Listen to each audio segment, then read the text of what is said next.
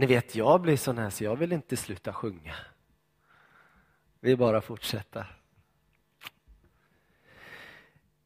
Temat idag det är Guds rike är nära. Vi följer ju kyrkoåret under adventstid här i församlingen. Och just för denna söndag så är det temat. Och normalt sett i min predikogärning eller min förkunnelsetjänst så brukar jag lägga en tyngdpunkt när det gäller Guds rike. Att det är någonting som, som har kommit.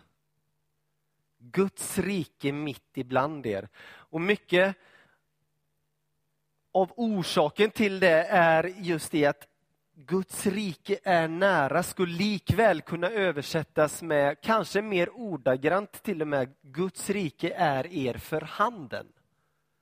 För det är vad det står, Guds rike är er för handen. Det, alltså, förstår ni? Så nära.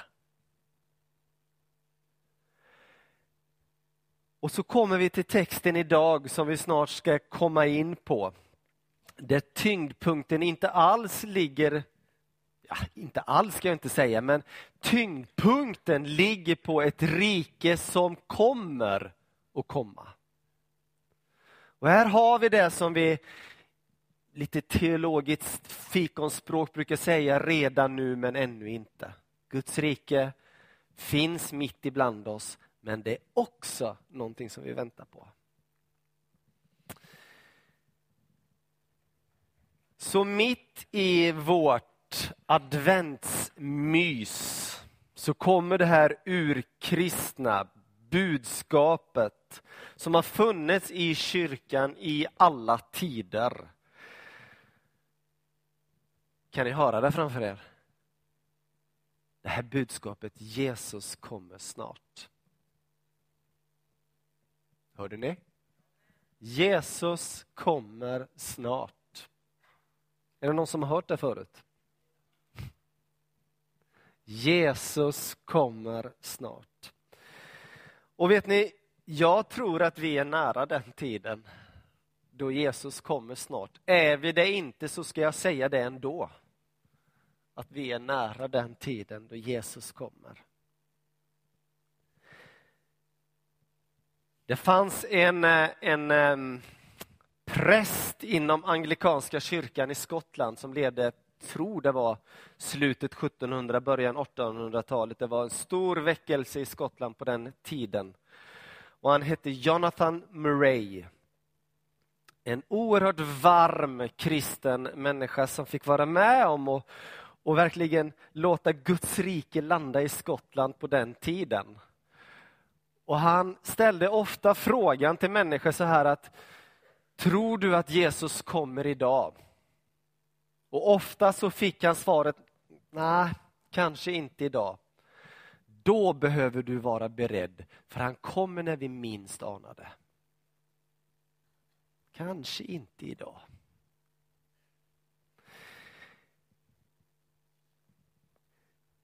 Nyckelordet som jag vill lyfta fram i den text som vi alldeles strax ska läsa. Vi kommer läsa någonting som kanske inte är så där jätteuppmuntrande. Men nyckelordet som jag vill att du ska ha med dig och som ska vara det filtret som du har allt annat genom, det är det här. Men när allt detta börjar hända så räta på er. Lyft era huvuden, för befrielse närmar sig. Det är nyckelordet. Räta på er, lyft era huvuden för er befrielse närmar sig. Men nu ska vi göra som så att vi står upp och så ska vi läsa Guds heliga evangelium.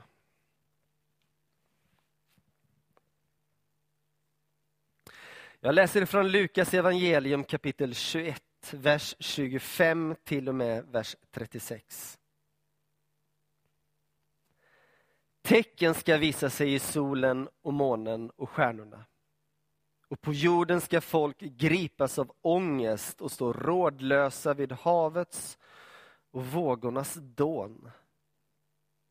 Människor ska tappa andan av skräck i väntan på det som ska drabba världen. för himmelens makter ska skakas. Då ska, männi ska man se Människosonen komma i ett moln med stor makt och härlighet. Men när det här börjar hända, så räta på er, lyft era huvuden, för er befrielse närmar sig. Han gav dem också en liknelse. Se på fikonträdet och alla andra träd. När ni ser att det knoppas förstår ni av er själva att sommaren redan är nära.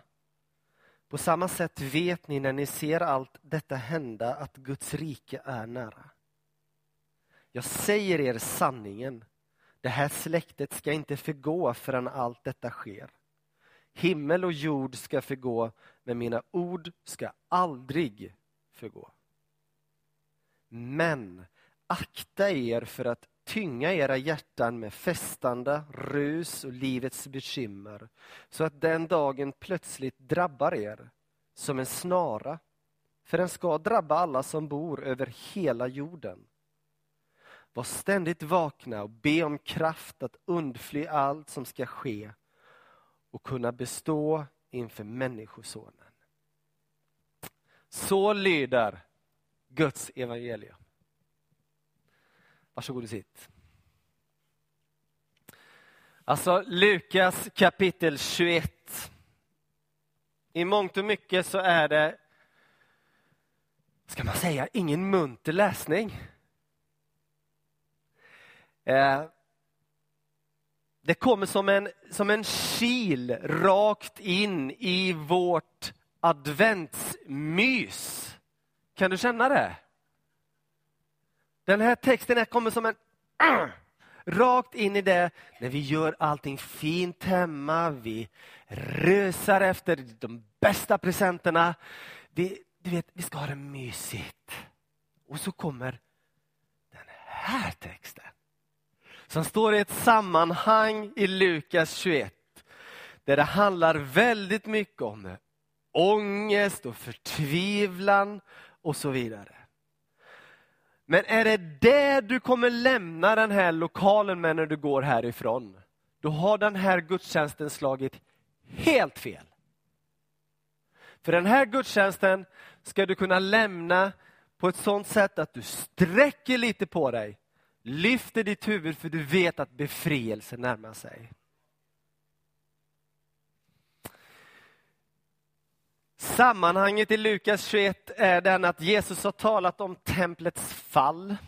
Och Vi kan bara ana hur det låter i judiska öron. Va? Templet? Det dagliga offrets plats. Ska det inte längre finnas ibland oss, då är det ju kört. Och Jesus säger, det kommer jämnas med marken. Världshistorien som vi känner den kommer att gå mot ett slut. Du har det i Lukas 21. Och när allt detta kommer så kommer det uppträda Messias Mm, gestalter som påstår sig att de är Messias men de egentligen inte är det. Och vet ni, jag tror att det nödvändigtvis inte behöver handla om en person utan jag tror det kan handla om system, det kan handla om makter.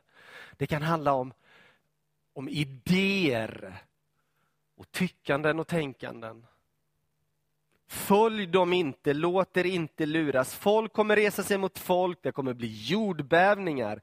Och ni ska bli gripna och förföljda. Och så kommer ett litet skönt passus i Lukas 21. Ni kommer bli gripna och ni kommer bli förföljda. Och då ser Jesus en möjlighet och då kan ni vittna. Då kan ni vittna. Folk kommer resa sig mot folk. Ni kommer att bli hatade av alla för mitt namns skull. Det här skär som en skapell rakt in i mitt, mitt bekräftelse junkie som är här inne. Man vill ju vara älskad av alla. Och så säger Jesus, ni kommer bli hatad av alla för mitt namns skull.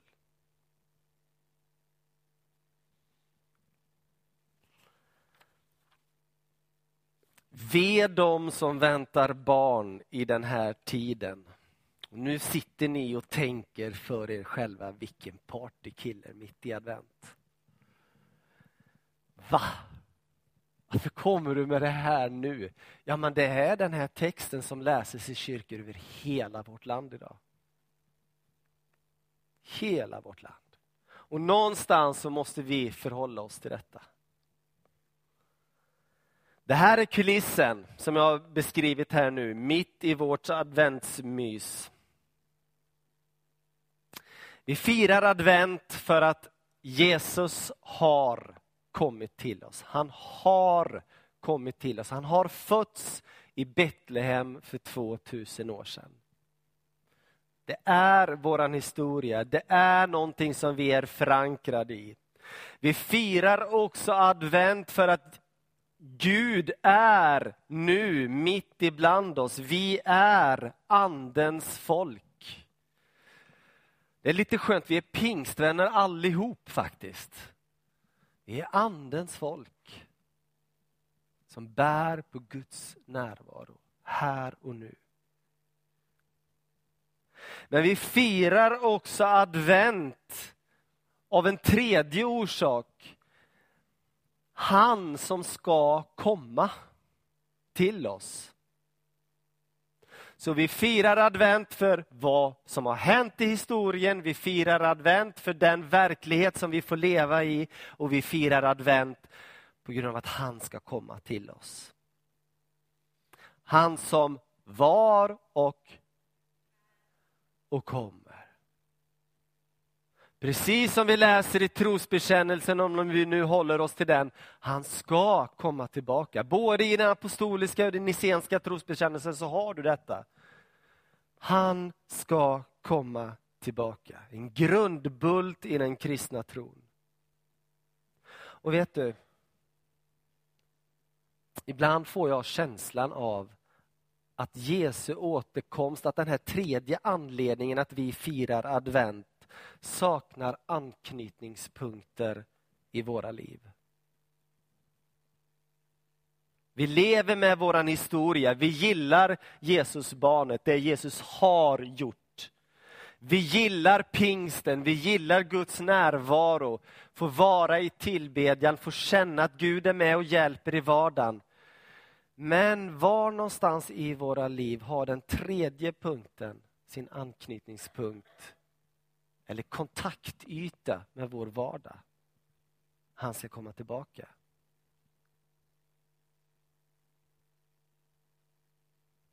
Om det nu är så att kontaktytorna med denna tredje sats har, är långt borta från vårt tänkande, vårt vardagsliv, då måste vi nästan börja fråga oss varför är det så? Orkar vi bära på den frågan? Varför är det så?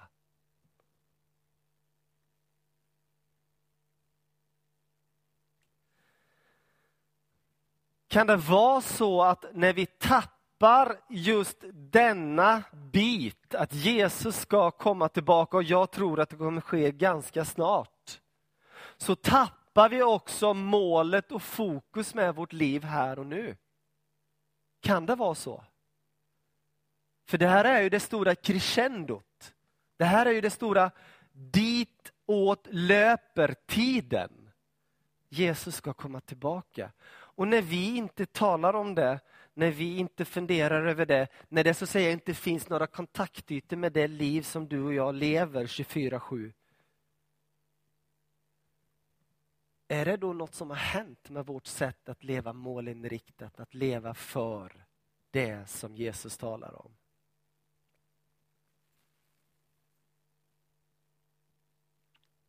Jag tror att Jesu återkomst handlar om målet. Och när vi tappar det ur sikte så springer vi runt och runt och runt som man gör när man inte har ett mål. En kompass som bara snurrar och snurrar. När vi inte har målet klart för oss i våra kyrkor så tror jag att vi snurrar runt i en massa aktiviteter och saker och ting utan att egentligen landa riktigt någonstans. Precis som det är i våra liv. Kan det vara så att vi famlar i ett mörker när vi inte lever på riktigt med detta att Jesus kommer tillbaka? Många har vänt på det här och tagit detta budskap som ett stort hot. Och det har blivit som ett sätt att skrämma människor in i kristen tro, vilket jag definitivt inte tror på. Jag tror inte på att skrämma människor till tro, utan jag tror att det är någonting som, ah, det här vill jag leva för.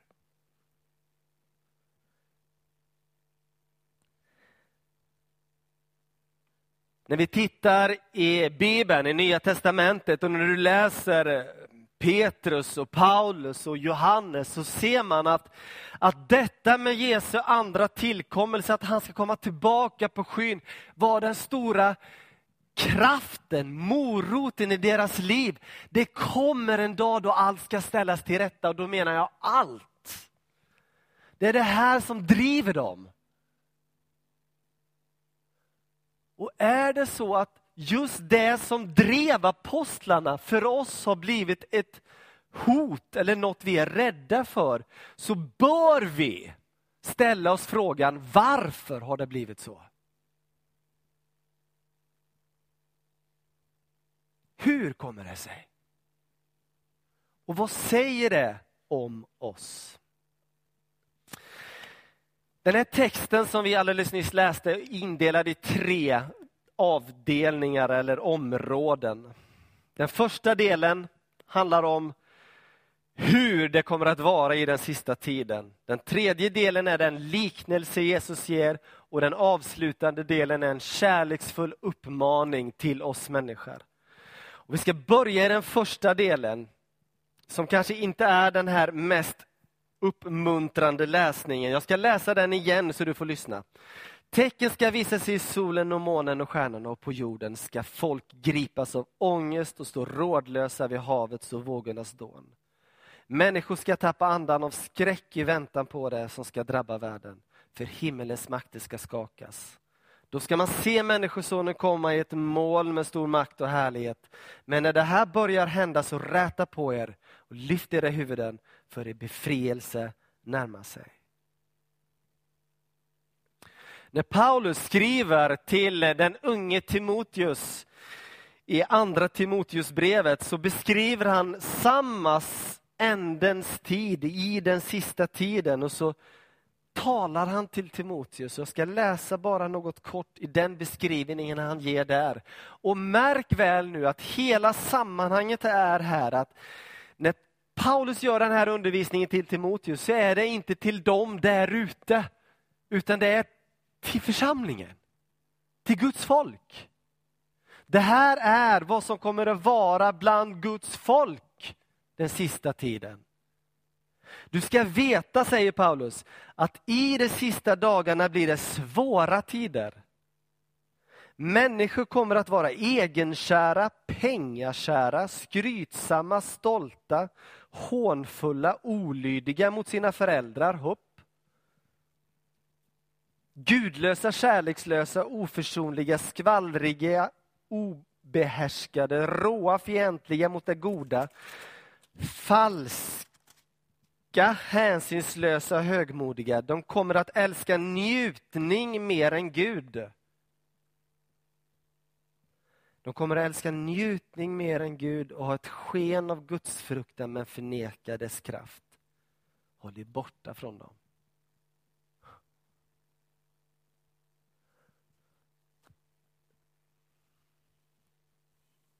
Vi befinner oss i en värld idag som är i kollisionskurs med sig själv. Håller du med om det? Det, det är i varje fall min reflektion när jag ser det flöde av nyhetsrapporteringar som kommer, när jag ser det flöde som kommer till mig i media. Det är ganska uppenbart att domedagsprofeterna idag står inte att finna i predikstolarna eller i kyrkans inhägnad, utan de finns hos dagens forskare och vetenskapsmän. De finns i massmedia, De finns så att säga där ute. Jag tror inte vi behöver gå in på så mycket om hur det ser ut. Vi behöver inte tala så mycket om den skövling av regnskog som är just idag. När den försvinner i en hastighet som vi inte kan ana. Jordens lungor. Vi behöver inte gå in på alla dessa fria hormoner som finns i våra vattentäkter och vattendrag som på sikt håller på att störa hela reproduktionen både hos djur och människor.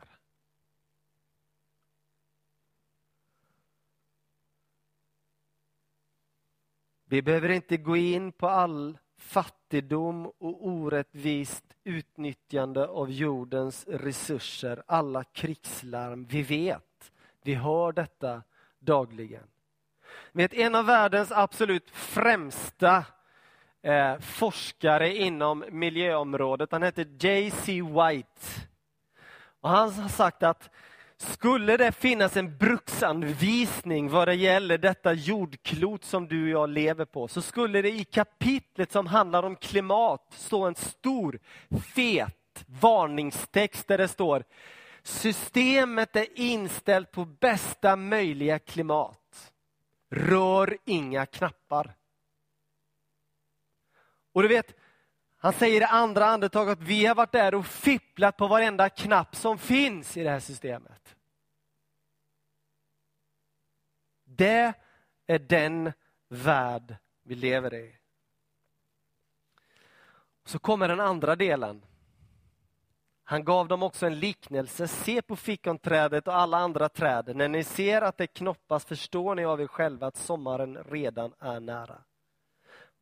På samma sätt vet ni att ser allt detta hända att Guds rike är nära. Jag säger er sanningen, detta släkte ska inte förgå förrän allt detta sker. Himmel och jord ska förgå, men mina ord ska aldrig förgå. Jag tror att Jesus är jättenoga med val av liknelse. Jag tror att det är, eller ska jag säga så här, märkte du det skifte som är ifrån, först har han öst ur, så här ser det ut, så kommer det vara i den sista tiden. Och så kommer det här skiftet och han målar upp en liknelse av, av sommar. Ni vet när allt kommer till liv. När allt kommer att, det som verkar dött kommer att börja spira. Det är liknelsen han har och han använder liknelsen av fikonträdet som är en djup biblisk symbol för riket, för landet. För det som komma skall, det börjar knoppas.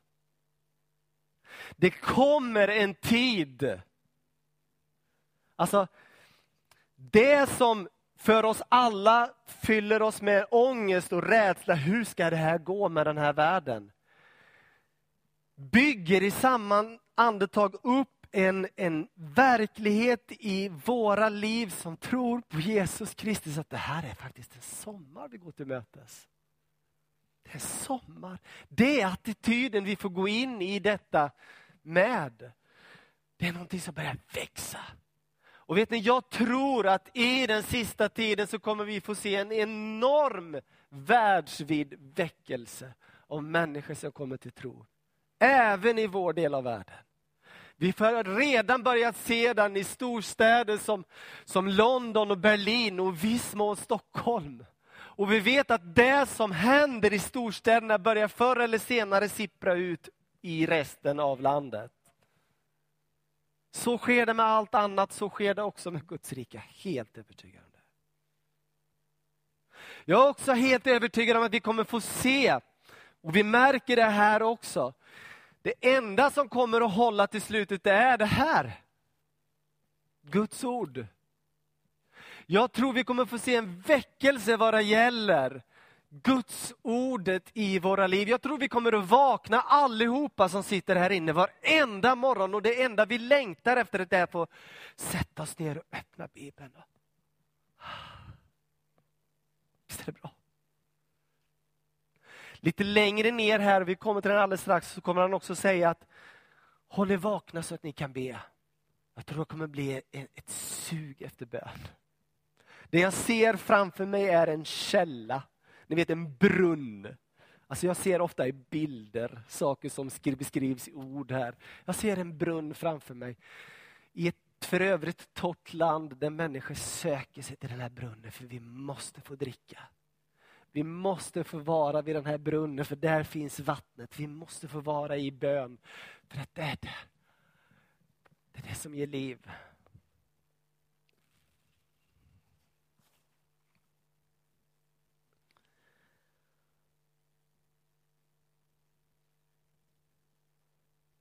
Hur ska vi då vara beredda? Dels ordet, dels bönen. Kommer in i den sista delen som börjar med ett stort men. Märkte ni det när vi läste? Himmel och jord ska förgå, men mina ord ska aldrig förgå. Men, säger Jesus. Det är ett jättestort men det här. Akta er för att tynga era hjärtan med festande, rus och livets bekymmer så att den, den dagen plötsligt drabbar er och så vidare. Och så vidare.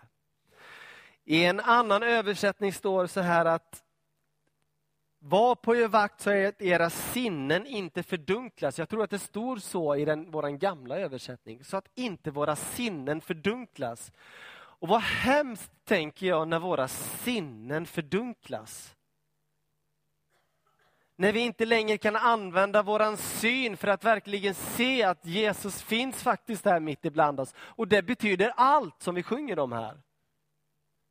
När vi inte längre kan känna smaken eller doften av Guds rike som är det som är överglänser allt annat.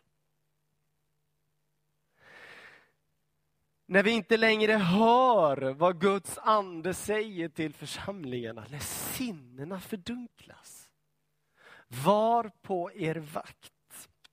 Det är tre saker Jesus lyfter fram. Det är festande, och vet ni vad jag tänker på när jag hör det? Tänker jag på omåttlighet. När vi bara ska ha mer och mer och mer. Mer av allt det som världen har.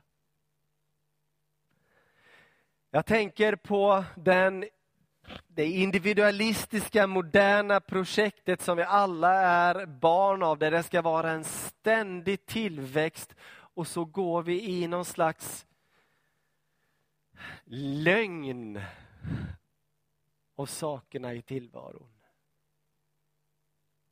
När jag tänker på rus så förknippar jag det inte först och främst med droger och alkohol, vilket kanske är det vanligaste sättet att göra. För att vi och de flesta av oss här ska kunna bocka av check, det klarar jag mig ifrån. Det jag tänker med rus på ett annat sätt. Att vi fyller vårt liv med en flykt ifrån det som vi har hört här nu med att tänka på nästa resa. Ska vi åka då? Ska vi ta och byta kök?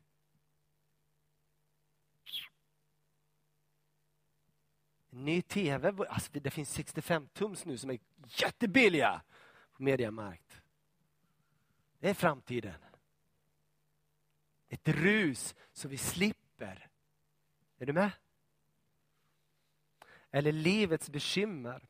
Vad ska jag säga? Jag vet hur det är att leva på livets skuggsida när det inte är mycket som fungerar. Men jag vet också hur det kan fullständigt kan ta allt över mig. Låt inte livets bekymmer göra era sinnen fördunklade. Men 2000 år har vi sagt nu att Jesus kommer snart. Vänta lite. Jag ska dra fram den här tavlan för jag, har en, jag, jag vill rita lite grann för er. Mitt mellannamn är nämligen Chagall. Ni ska få se. Det här är en illustration. Den haltar givetvis. Men jag tycker ändå den har en del att säga. Jag har delat den en gång på ett bibelstudium här nere i lilla salen, men jag tänker göra det igen. Nu ska vi se om ni kan se vad jag har ritat här.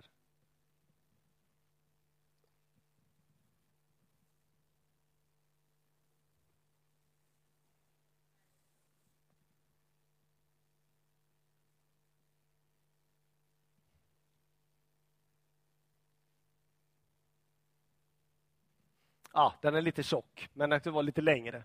På en riktig karta ser det ut så här. Ni vet, inte den som är utdragen. Det här ska föreställa Sverige.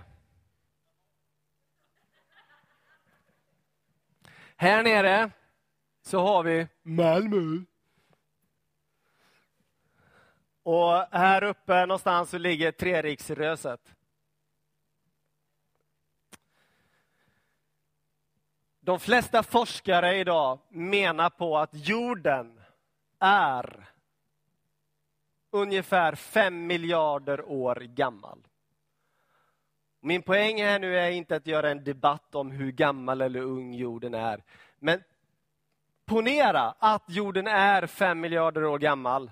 Då finns det något som är ganska spännande här.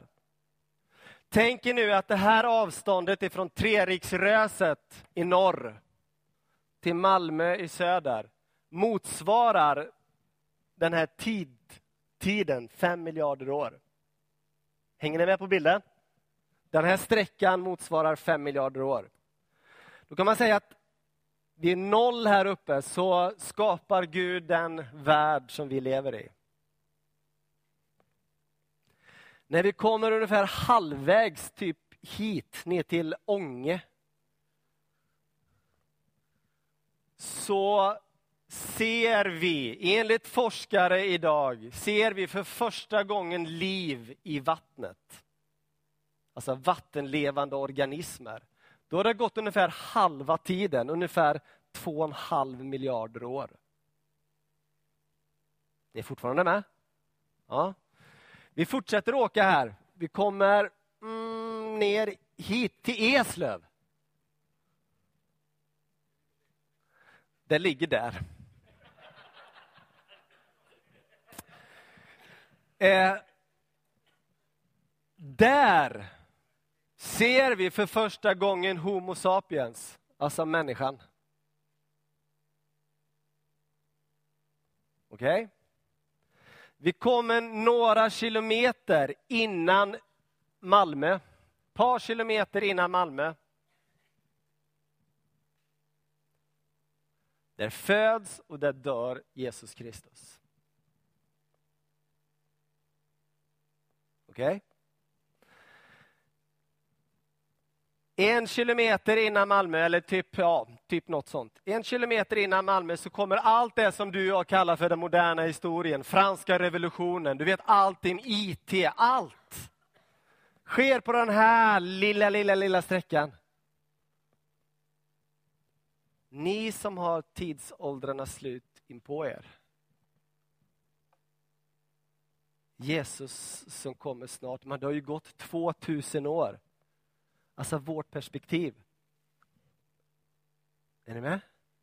Alltså den, jag har inte kommit på det här själv, jag skulle önska det. Det är faktiskt en, en man som heter Stefan Edman. Han är eh, hedersprofessor på Chalmers tekniska högskola i Göteborg. Varmt kristen människa som jag hörde berätta om det här.